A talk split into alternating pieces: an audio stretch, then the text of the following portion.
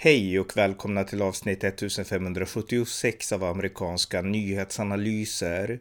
En konservativ podcast med mig, Ronny Berggren. Mellan den 2 och 3 juni har den internationella klimatkonferensen Stockholm plus 50 hållits i Sverige. Här berättar jag mer om detta. Varmt välkomna! Vi ska in i alla rum där beslut fattas och göra kaos med alla som försöker hindra klimaträttvisan. Ja, det där var allas vår Märta Stenevi, språkrör för Miljöpartiet och Sveriges tidigare bostads och jämlikhetsminister som verkar hysa en stor fascination för förortsgängens bristande förståelse för svensk grammatik eftersom även hon vill göra kaos med de som inte tycker som hon. Och i hennes fall så handlar det då om att, eh, ja, de som inte tycker som hon, hon i synen på klimatarbetet. Eh, men i alla fall, hon representerar Miljöpartiet och Miljöpartiet satt ju ganska länge i Sveriges regering och eh, då var de ganska viktiga viktiga i att sy samman den konferens som just nu har hållits i Stockholm, klimatkonferensen Stockholm plus 50. Och eh, de sitter ju inte i regeringen längre, i Miljöpartiet, så att Socialdemokraterna har fått förvalta det här. Men eh, den konferensen i alla fall, som anordnas i regi av FN, har nu hållits. Den har streamats live på många sociala medier och sådär.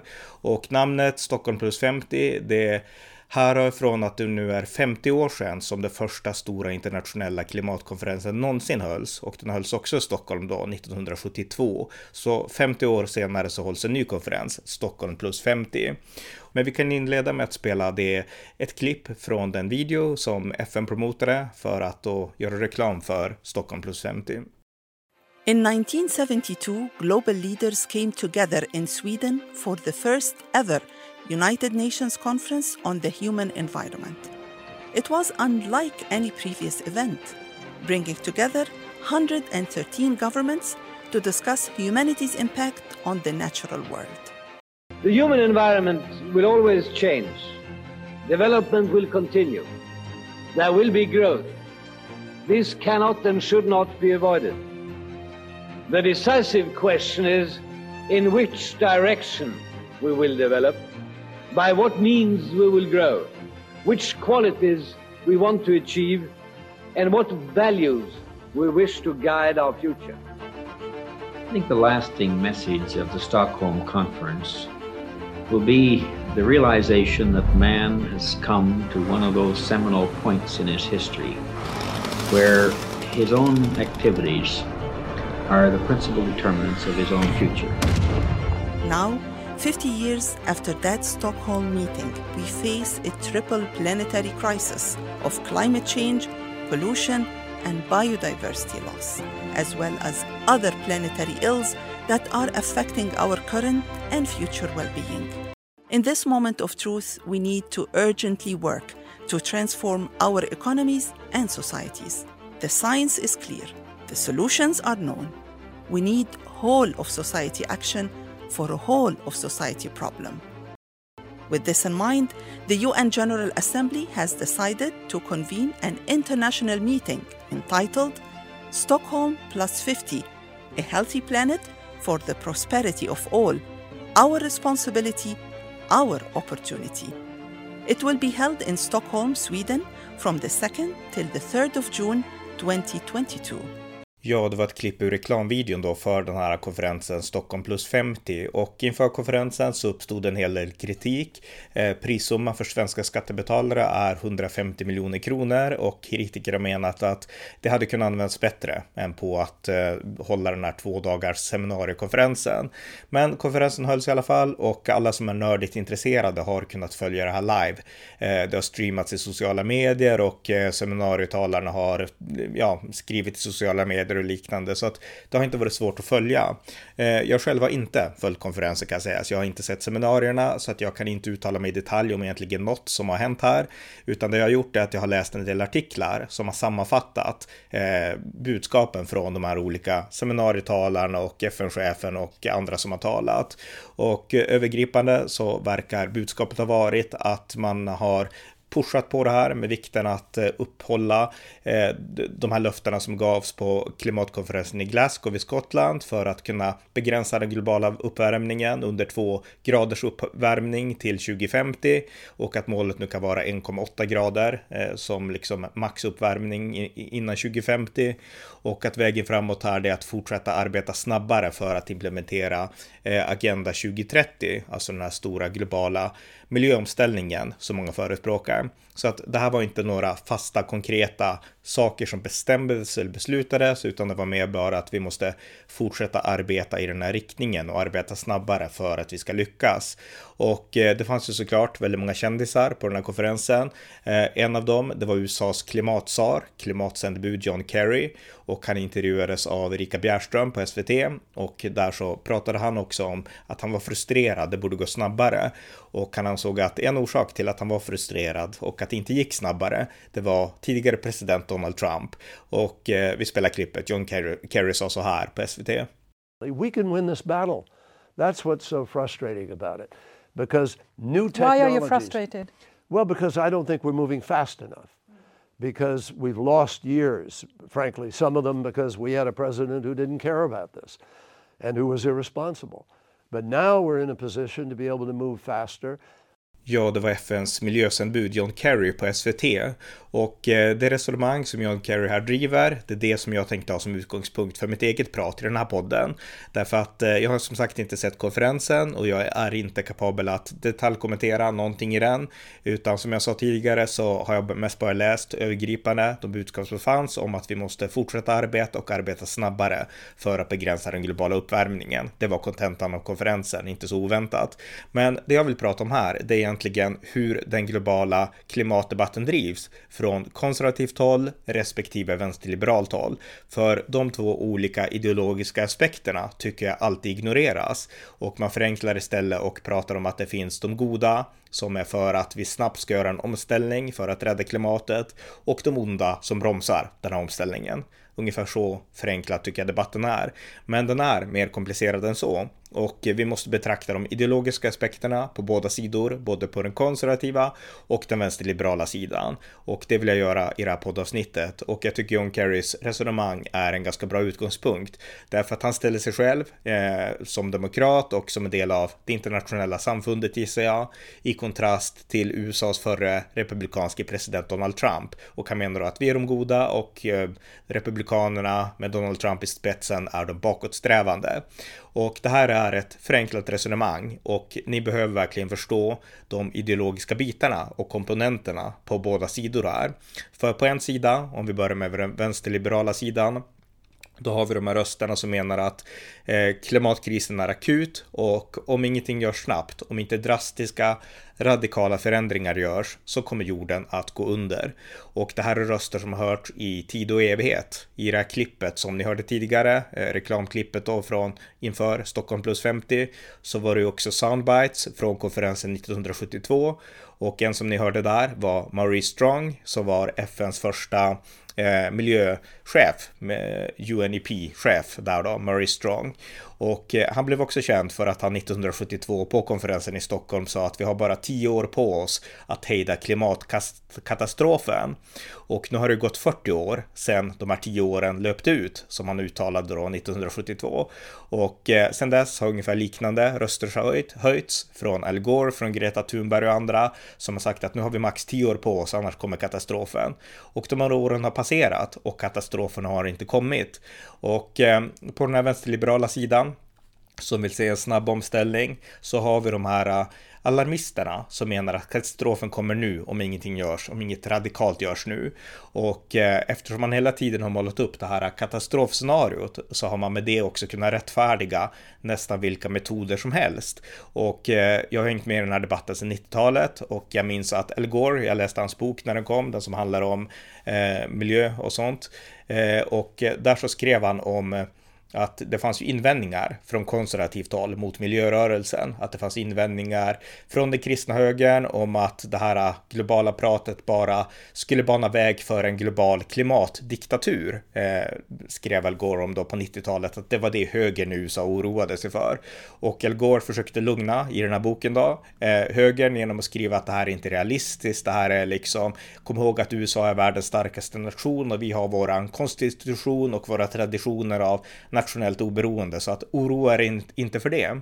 Hoppar vi fram något årtionde sedan den här boken från mitten av 1990-talet, då kan vi då höra röster som eh, filosofiprofessor Torbjörn Tännsjö prata om att demokratin måste avskaffas och vi måste upprätta en global klimatdiktatur därför att eh, krisen är så akut och läget är så akut nu att om vi inte avskaffar demokratin uppskattar till och med en diktatur, inte bara ett världsparlament utan en global klimatdiktatur, då går jorden under. De rösterna höjs aktivt så att eh, de farhågor som Al Gore avfärdade på 90-talet, de har idag börjat besannas. De här rösterna finns som verkligen vill använda klimatfrågan som en språngbräda för radikala politiska ideologier.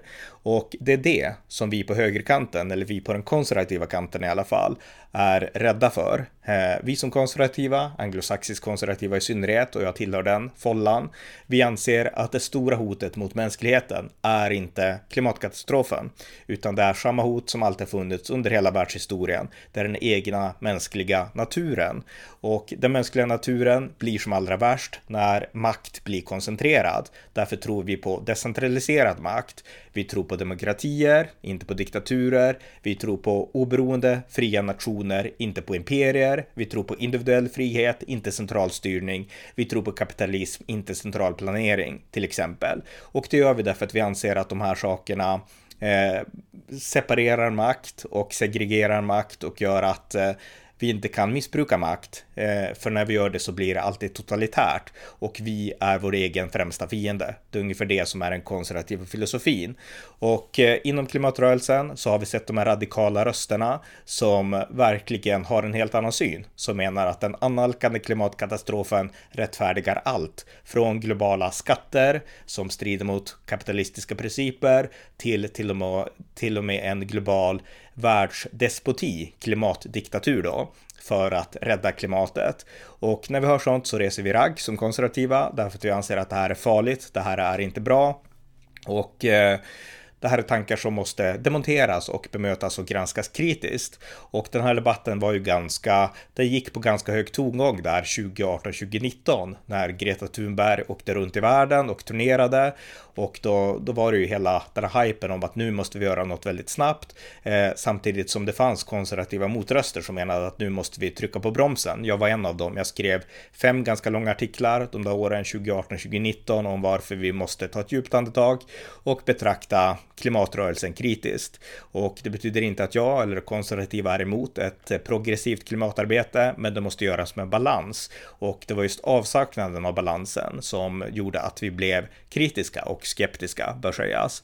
Men det är lite de två sidorna som finns i den här debatten. Och eh, det är viktigt att förstå de här två olika ideologiska utgångspunkterna. Därför att annars blir det väldigt enkelt att det är de goda och det är de onda och så blir det hårda bråk och hårda konflikter mellan de här grupperna. Och jag tycker att det ska undvikas. Eh, vi måste hitta liksom, vi måste förstå varandras perspektiv och hitta balansen. Och ett annat klipp i den här videon eh, som, som jag spelade det var också från 1972 på konferensen då och det var Olof Palme, vår statsminister.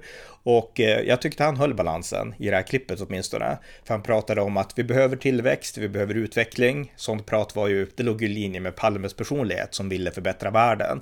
Men samtidigt så måste vi ta eh, konsekvenserna för miljön i akt. Alltså vilka konsekvenser för, för miljön att människan är så bra på att utveckla ny teknik och liknande. Det måste vi ta i akt och hitta balansen. Det var lite det som Palme sa. Och det tycker jag är en sund inställning. Just det här med att fortsätta, vilja utveckla, inte liksom vrida klockan bakåt i förhållande till kapitalism eller utveckling, men eh, samtidigt ta konsekvenserna i akt och försöka hitta balansen. Det tycker jag är den perfekta inställningen. Och eh, jag är inte helt säker på att Socialdemokraterna tycker så idag. Jag tror att de har ryckt mer iväg åt det mer alarmistiska hållet, Annika Strandhäll och liknande. Eh, men eh, balansen fanns ändå där i Palmes uttalande. Det var inte det här katastrofen, världen går under och nu måste vi införa en global klimatdiktatur. Det var inte det pratet, utan det var vi måste hitta balansen. Och det är den linjen jag tycker vi ska hålla fast vid. Att eh, arbeta för en bättre värld, men samtidigt inte ignorera de här konservativa farhågorna om överstatlighet, om minskad personlig integritet och frihet. Den balansen måste hittas och eh, det är den balansen jag tycker saknas eh, när de här sakerna diskuteras. Gällande Greta Thunberg så var ju hon en av de här kändisarna som man tycker borde ha varit obligatorisk på den här träffen. Men hon tackade nej. Hon intervjuades av Aftonbladet där hon motiverade och sa att eh, det här var bara ett jippo för kändisar och eh, hon hade, om hon skulle vara där så skulle hon vilja att röster från människor som verkligen blev påverkade av klimatkatastrofen då, att de fanns på plats istället för de här kända namnen, kända ansiktena. Och eh, då hade hon tydligen erbjudits att få tala tillsammans med någon representant från något urfolk eller liknande. Men då menade Greta Thunberg att då blir jag ju bara en skyltdocka och det vill jag inte, utan istället så höll hon en egen strejk för sin ja, sin organisation Fridays for Future eh, som hon tyckte var, det var bättre att liksom engagera sig så. Och hon ska ändå ha lite cred för det därför att hon står upp för sina principer och sina idéer och sådär och eh, vill inte bara bli en slags politisk nickedocka och det har jag respekt för. Samtidigt så står Greta Thunberg också för den här radikala falangen som verkligen är enögda när det gäller den här frågan. De ser verkligen världskatastrofen. Alla minns Greta Thunbergs tal inför FN där hon var hysterisk, rädd och arg och eh, verkligen menade att världen skulle dikteras. Och eh, vi konservativa ser inte på saken så, utan vi efterlyser balansen och Greta Thunberg och hennes rörelse har inte den balansen.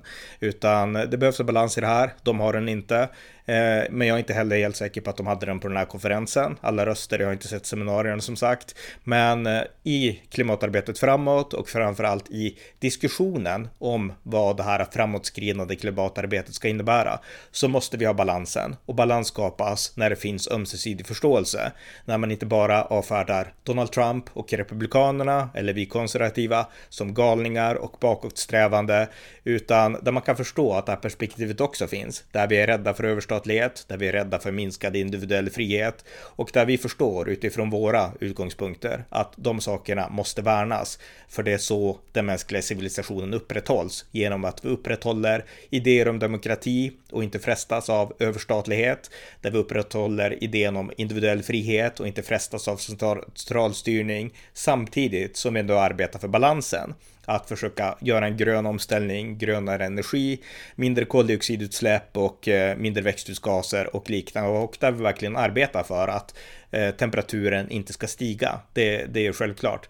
Men eh, balansen måste finnas och jag tycker den största obalansen idag, den finns från det vänsterliberala hållet. Och ni som lyssnar, ni, jag vill verkligen mana er att förstå att man måste kunna tänka balanserat i de här frågorna. Och när det kommer de här snabba bollarna som kastas ut på arenan, där alla ska tycka samma sak i klimatfrågan, då förlorar man balansen och då faller man istället in i diket där man liksom hamnar i hysterin som sen bäddar för totalitära och radikala revolutionära lösningar. Och sådana lösningar är sällan bra och det gäller även i frågan i, i förhållande till klimatarbetet. Så att det är egentligen det som jag vill lyfta fram i den här podden utan att gå så mycket djupare in på sakinnehållet i klimatkonferensen Stockholm plus 50.